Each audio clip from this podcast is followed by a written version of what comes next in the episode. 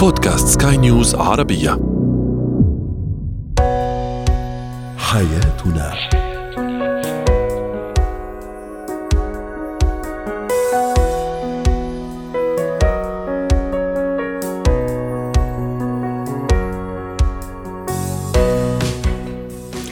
مستمعينا الكرام أهلا بكم معنا إلى حياتنا فضاؤكم اليومي الذي يعنى بشؤون الأسرة وباقي الشؤون الحياتية الأخرى والذي يمكنكم الاستماع إليه عبر منصة سكاي نيوز عربيه dot com slash podcast وباقي منصات سكاي نيوز العربيه الأخرى. شاركونا عبر رقم الواتساب 00971 561 886223 معي أنا أمال شاب اليوم نتحدث عن الصراحة ما الذي يحدث حين تغيب الصراحة بين الزوجين بين الشريكين في الحياة الزوجية؟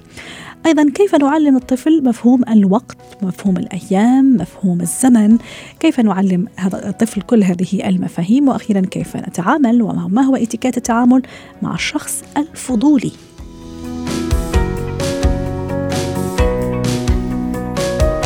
هو وهي. لا شك أن الصدق من المقومات الأساسية لنجاح واستمرار علاقاتنا الاجتماعية بشكل عام بما في ذلك العلاقة الزوجية. فالصدق آه، أو العكس الصدق الكذب يهدم ولا يبني لذلك تبقى الصراحة هي السبيل الوحيد لعائلة مستقرة ولبيت مستقر. ما الذي يحدث حين تغيب الصراحة في بيت الزوجية وحين تغيب الصراحة بين الزوجين؟ وهل للصراحة حدود بينهما؟ دعونا نتعرف على الموضوع مع دكتورة نهاية الرماوي الاستشارية النفسية والأسرية ضيفتنا العزيزة من عمان. يسعد أوقاتك دكتورة نهاية. كان هذا سؤالنا تفاعلي على مواقع سكاي نيوز عربية ومنصات سكاي نيوز عربية. ما الذي يحدث عندما تغيب الصراحة بين الزوجين دعيني استعرض بعض تعليقات السادة المستمعين. آه زهرة تقول ينهار أو تنهار لأن الزواج شراكه قبل كل شيء. تعليق يقول أنا صريح جدا مع الشريك لكنني لا أعتبر أن الصراحه أساس للشراكة بالعكس على أن أحترم غموض أو علي عفوا أن أحترم غموض وكتمان الشريك. وهذا وهنا السر. الشريك الحقيقي هو الذي ينجح بأن يكون بئرا عميقا لشريكه يرمي به كل همومه عند مصارحته دون خوف من تقريع أو استعمال صراحته ضده. الصراحة راحة لكن ليس في كل الأحيان. ما رأيك دكتورة؟ هل الصراحة راحة؟ وهل دائما في كل الأحيان؟ وليس بالضرورة بين الزوجين تكون الصراحة دائما في كل المواقف. أول شيء أسعد الله مساءكم بالخير لكم بالاستديو ولجميع المستمعين وين ما كانوا بيسمعونا. الله يمسيك طبعا بالخير. الموضوع جدا مهم وبداية إذا المتزوجين يعني كان عندهم هذا المبدأ والتزموا فيه يعني بنسبة عالية أكيد رح يكون من دعائم الأساسية للزواج السعيد الهانئ المريح.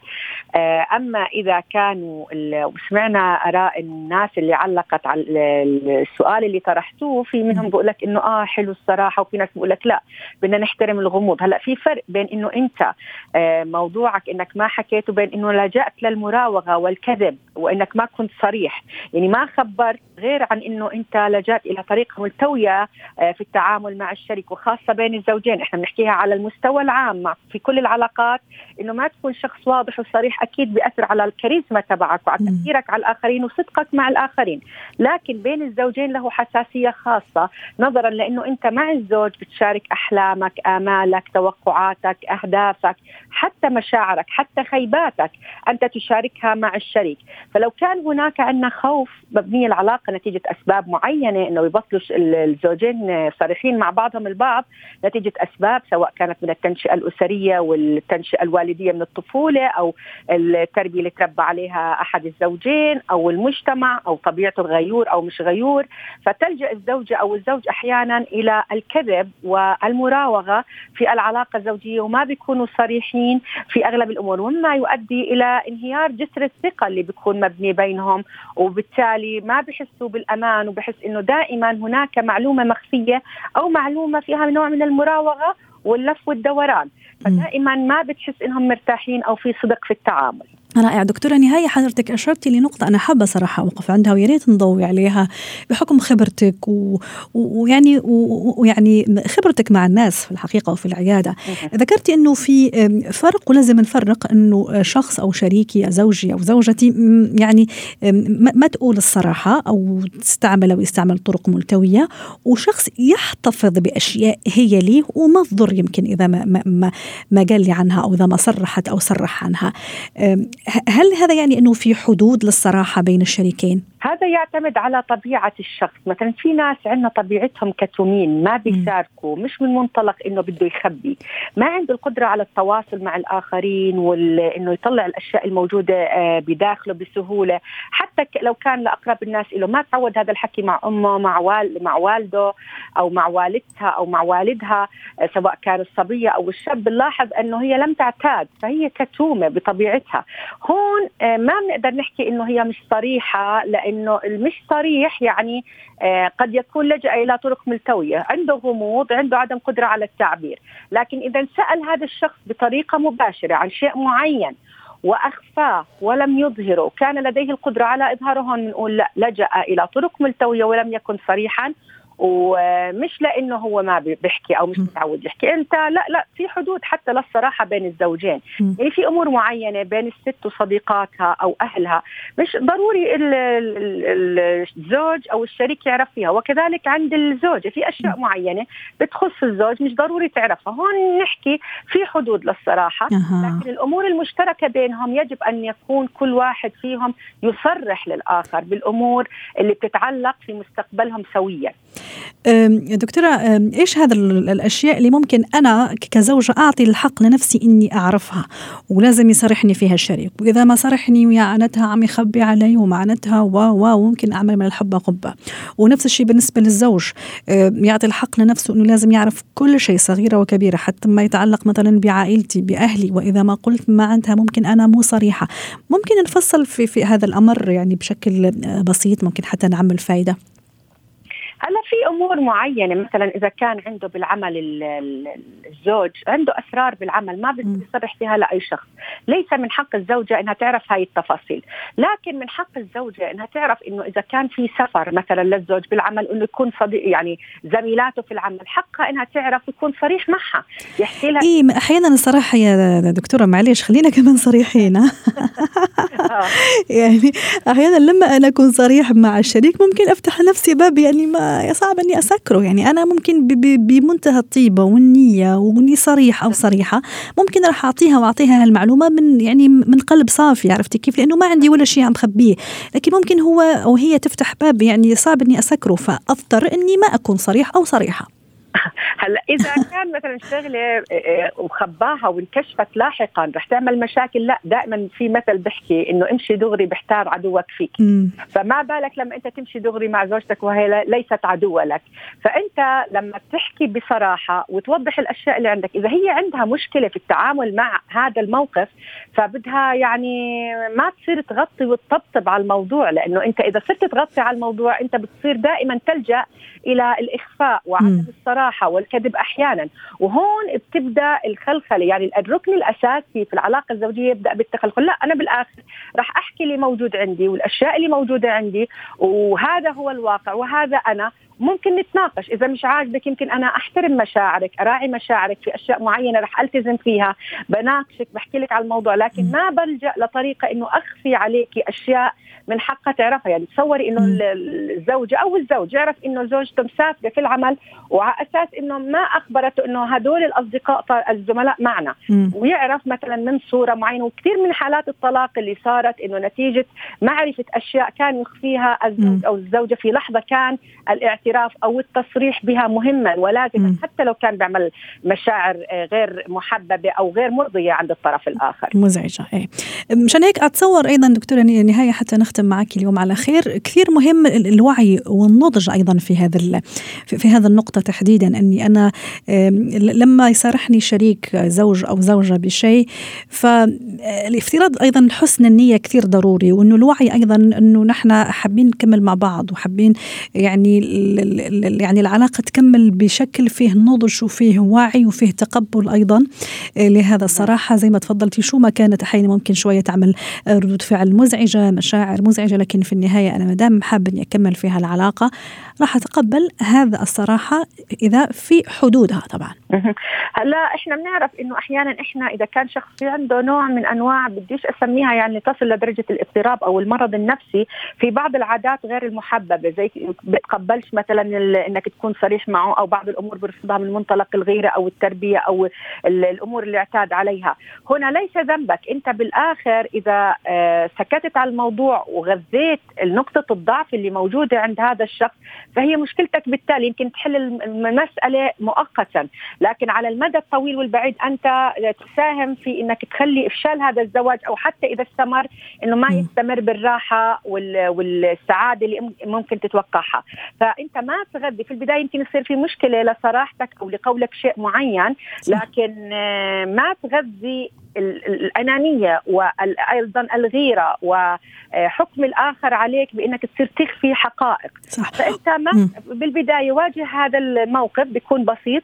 أحسن ما نصير إحنا يصير في تراكمات على المدى البعيد. رائع رائع. لأنه إحنا لما نسكت بنخلي المشكلة تزيد أو المرض اللي موجود عنده أو الشيء السلبي الموجود عنده يزيد أكثر. 100% والصراحة أيضا في التعبير عن عن عن شيء ممكن ما عم يعجبنا فيها الشريك فيها الزوج وهالزوجة أيضا كثير مهم دكتورة نهاية. آه طبعا تعبير بس لأنه حي ممكن أنا أتقبل عن مضض على مضض شيء معين على أمل تتغير الأمور على أمل يعني الأمور.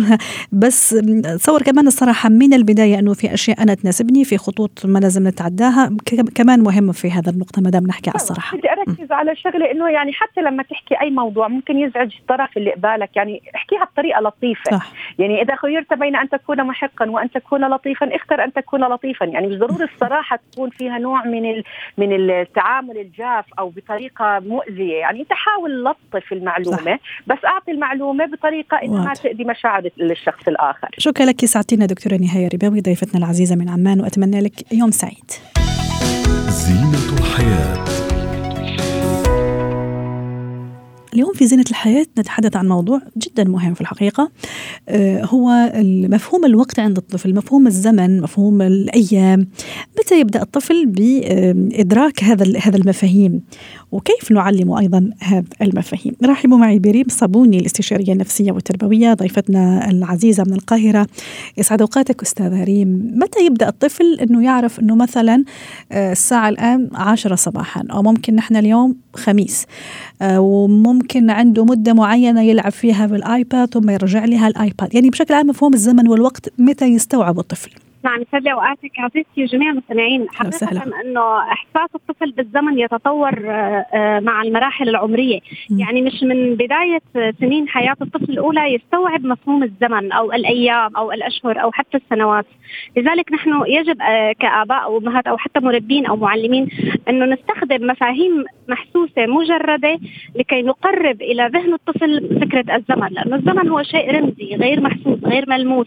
والطفل يتعلم بطبيعة الحال عن طريق الحواس عن طريق الأشياء المجر الملموسة مش المجردة فنبدأ من هذا بهذا الأمر طبعا من سن ثلاث سنين يعني ممكن نبدأ من ثلاثة أربعة خمسة لغاية سن الست سنوات ونحن بنضل عم نطور مفاهيم الزمن عند الأطفال من خلال ماذا؟ آه طبعا آه أكيد مو الساعة مو من البداية بنبدا من الساعة لأنه الساعة هي عبارة عن أرقام وعقارب وهو لسه بيكون عم يطور مفاهيمه أصلا عن الأرقام. رائع. ومعرفة ما هي الأرقام أصلا. كمان هي مفاهيم بالنسبة له مجرد رمزية. لكن يعني ولو يتعلمها سامحيني ستريم يتعلمها في عمر سنتين وثلاثة بس هي بالنسبة له مجرد أرقام لا يتعدى الأمر كذلك ذلك. لا تعني لا تعني شيء بالنسبة له. هي مجرد أشياء جلس. رمزية مجرد رسومات لا تعني له شيء. خالية من المعنى تماما. نبدأ من سن الثالثة نطور معاني الأرقام. لكن حتى يستوعب الطفل الزمن نحن ممكن نستخدم مفاهيم آه، وقصص. قريبة إلى ذهنه. يعني مثلا أنا ممكن أقرأ له قصة فيها تسلسل أحداث. آه، من ثلاث أحداث على سبيل المثال. مثلا استيقظت الفتاة ذهبت مثلا آه، إلى الحمام فرشت أسنانها غيرت ملابسها. هي ثلاث إيه. أحداث. وبعدين بطلب منه يرتب الأحداث. طيب أنا هيك شو عملت؟ أنا هون علمته التسلسل الزمني للأح... للحدث. رائع. فبهي الحالة يعني صار في تقارب نوعا ما لفكرة الترتيب الزمني والأحداث وما الذي حصل قبل وما الذي حصل بعد. بعدين ممكن أبدأ باستخدام الساعة الرملية. يمكن يستغربوا الناس إنه هل لا تزال الساعة الرملية مستخدمة؟ اي نعم بالنسبة للطفل آه سأقول له عندما تنتهي الساعة الرملية مثلا هي اللي مدتها نص دقيقة أو دقيقة يكون مثلا انتهينا مثلا الآن من لبس ملابسنا. آه نرجع بعدين بنرجع نقلب الساعة الرملية ونستخدمها. بعد آه عندما تنتهي نكون قد انتهينا مثلا من تنظيف وجهنا. وهكذا. يعني هون كمان أنا استخدمت شيء يستطيع الطفل مراقبته اللي هي حبات الرمل وهي عم تنزل. فهون هو استوعب إنه أنا في وقت استغرقته في أداء مهمة ما. جميل. فالوقت م. الذي أستغرقه هو زمن. أه ستريم أيضا موضوع إنه حضرتك ذكرتي إنه ممكن اللعبة وثم يعني أخليه يرجع يعطيني الترتيب الزمني. ممكن حتى عليه هو لأنه أكيد في عنده جدول يومي روتيني يعني الطفل. نعم. خلينا نقول لما يصحى زي ما تفضلتي حضرتك يعني عليه هو يروح للحمام وانت بكرامة تغيير الحفاض وانت بكرامة ثم ياكل ثم يلعب شوية قيلولة يرجع مرة أخرى يصحى وما إلى ذلك. يعني قصدي إنه هذا الروتين ممكن كمان يعطيه موضوع إنه يعني رح يعني يقرب له شوية مفهوم آه، الوقت. وزد على ذلك تمام. يعني يا ريت تشاركينا الرأي موضوع ادماج مفهوم الوقت في الأنشطة العائلية كمان. ممكن نحرص خلينا نقول مثلا في الويكند ممكن نعمل آه، رياضة ممكن نروح طلعة أيه. معينة. فكمان يعني يصير عنده هذا خلينا نقول شيء لصيق عرفتي كيف؟ أي تطابق نعم. بين هذا النشاط والوقت. تماما. هو كنت سآتي على ذكر الجدول الروتيني لحياة الطفل. لأنه شيء من حياته يعني هو بيعيشه بشكل يومي. فبيصبح عنده قدرة على فهم إنه نحن يوم الجمعة مثلا بنزور تيتا. أنا دائما بربط إنه نحن إمتى بدنا نزور تيتا؟ يوم الجمعة مثلا. طب إحنا إمتى بنروح الحضانة أو المدرسة؟ يوم الأحد مثلا. رائع. فالأطفال طبعا آه، في مرحلة عمرية مبكرة كمان الغير قادرين على القراءة. يعني ما تحت دون ست سنوات لأنه هو بطبيعة الحال ما بيكون عنده إحساس بالزمن. فأنا هون بستخدم رسومات لا أستخدم ابدا كلمات وإنما أستخدم ويا حبذا يا حبذا لو استخدمت صورة حقيقية من واقع الطفل. يعني صور له مثلا آه، الحمام وأغراضك الشخصية وحط له إياه بالجدول وطلع له هذا الكرت وقول له الآن حان وقت مثلا المهمة الفلانية. نعم. آه، صور له مثلا ألعابه الآن حان وقت ترتيب الألعاب. أو حطوا له إياهم بتسلسل آه، مثلا في في جدول ملصق بشكل دائم أو إنه مثلا عبر له إياها برمز وهو يقوم بتلوين هذا الرمز لحتى عشان أنا نهيت الآن المهمة الفلانية. آه. دائما نربط الأحداث في حياة الطفل آه، بأشياء حقيقية تحدث بواقعه واشياء ملموسة أشياء يستطيع إدراكها يستطيع فهمها. أيضا نستخدم على فكرة قضية الزمن. اي متى؟ آه، في عيد الميلاد. آه، انت انت كان عيد ميلادك مثلا؟ طيب شو رأيك نشوف كيف انت كبرت؟ فنستخدم صوره الخاصة. كيف كان هو عنده سنة بعدين صار عنده سنتين بعدين صار عنده ثلاث سنين؟ آه عندك سنة أنت مع أنت لسه كان عندك يا دوب سنين تحت كنت تقول ماما بابا بعد سنتين أصبحت تستطيع أن تأكل بنفسك. إحساس الزمن أيضا بالسنوات ما سهل على الطفل حتى يدركه. صح. فمن الجيد أن أستغل عيد ميلاد الطفل بإني أنا أستخدمه بتقريب مفهوم آه، دوران الشمس حول الأرض آه، حتى ممكن بمجسمات فيما بعد بعد ست سنوات. طيب ستريم أخيرا وسريعا جدا. يعني أحيانا أنا طفلي يعني دائما في نفس الموضوع. ما يعرف يعني مثلا إذا أعطيته ايباد أو ممكن خليته يشوف مثلا video games مثلا وأقول له مثلا ربع ساعة وترجع لي الجهاز الآيباد. فما يعرف الموضوع. ممكن حتى يبكي إذا سحبت منه أنا الجهاز. فكمان كيف نعم. يعني أفهمه إنه هذا هو وقت وانتهى خلص انتهى الوقت باختصار. تمام وقت الشاشة دايما هو الوقت المتنازع عليه يعني دائما إيه. ف... بس أنا قصدي كمفهوم وقت تحديدا. صحيح. إيه. هو من الأفضل اولا اولا إبلاغ الطفل بانه أنت عندك وقت محدد للشاشة. مدته مثلا عشر دقائق ربع ساعة. طب أنا كيف بدي أفهم هذا الشيء؟ أنا ممكن أوريه الساعة والعقرب وأقول له عندما يصبح العقرب مثلا عند الرقم ستة من الرقم ثلاثة للرقم ستة يعني هون مرقنا نحن هون بربع ساعة. وكل خمس دقائق أقول للطفل بقي الآن من الوقت خمس دقائق بقي الآن من الوقت دقيقتان بقي الآن. آه يعني كل شوي ذكره أما أنا فاجئه وبعدين أسحب وأقول له خلص الوقت هون ما ما مهيئ نفسيا وما مدرك أصلا إحساس الوقت له بيكون عدى بشكل سريع. واضح. شكرا لك أستاذة ريم صابوني ساعتين اليوم ضيفتنا العزيزة من القاهرة.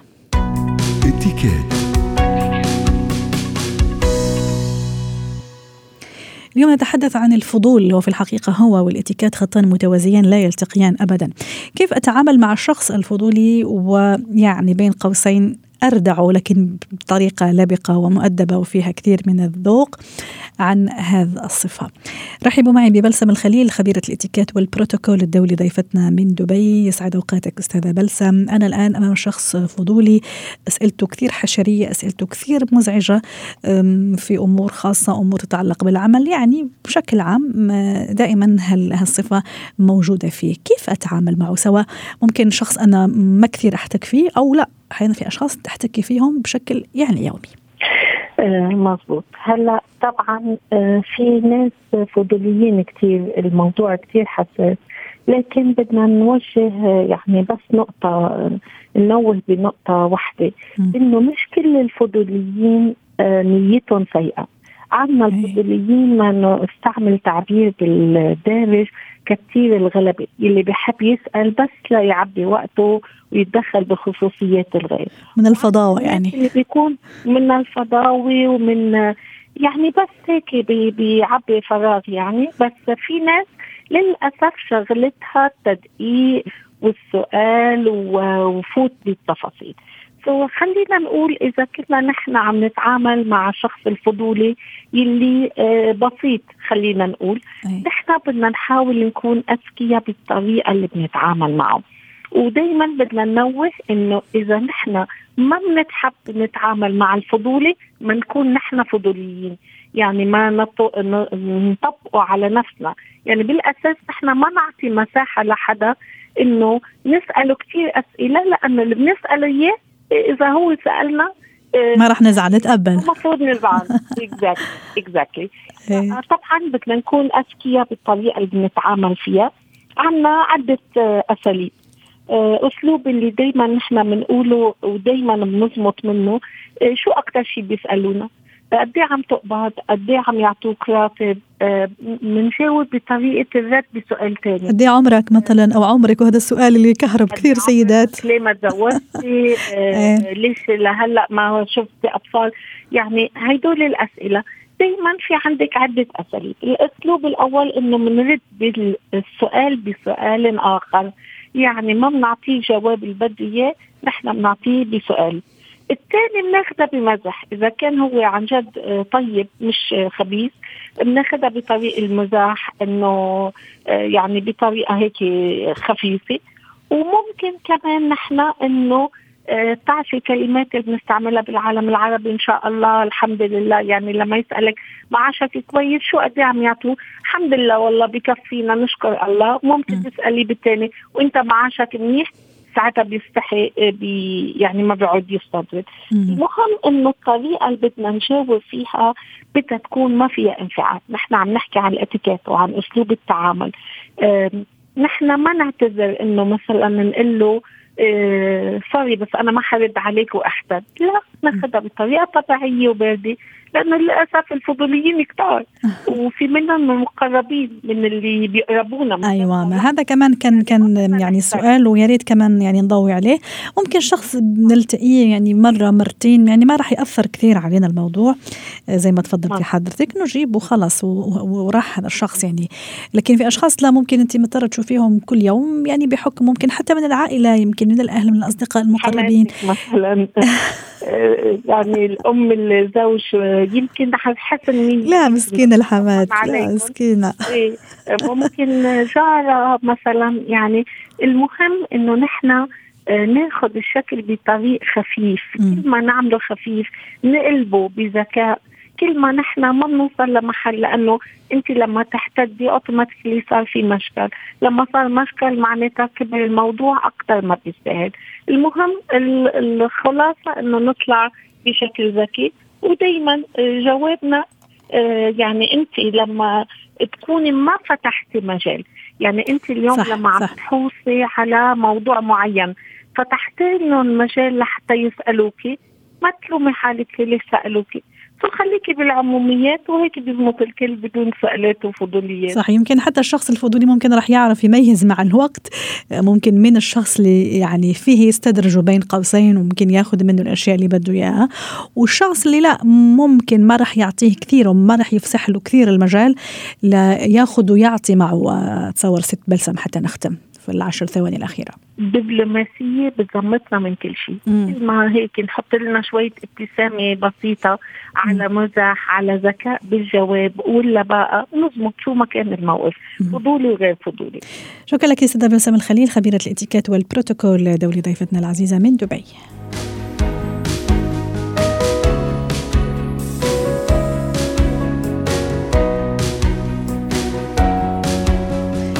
ختام حلقة اليوم من حياتنا. شكرا لكم وإلى اللقاء.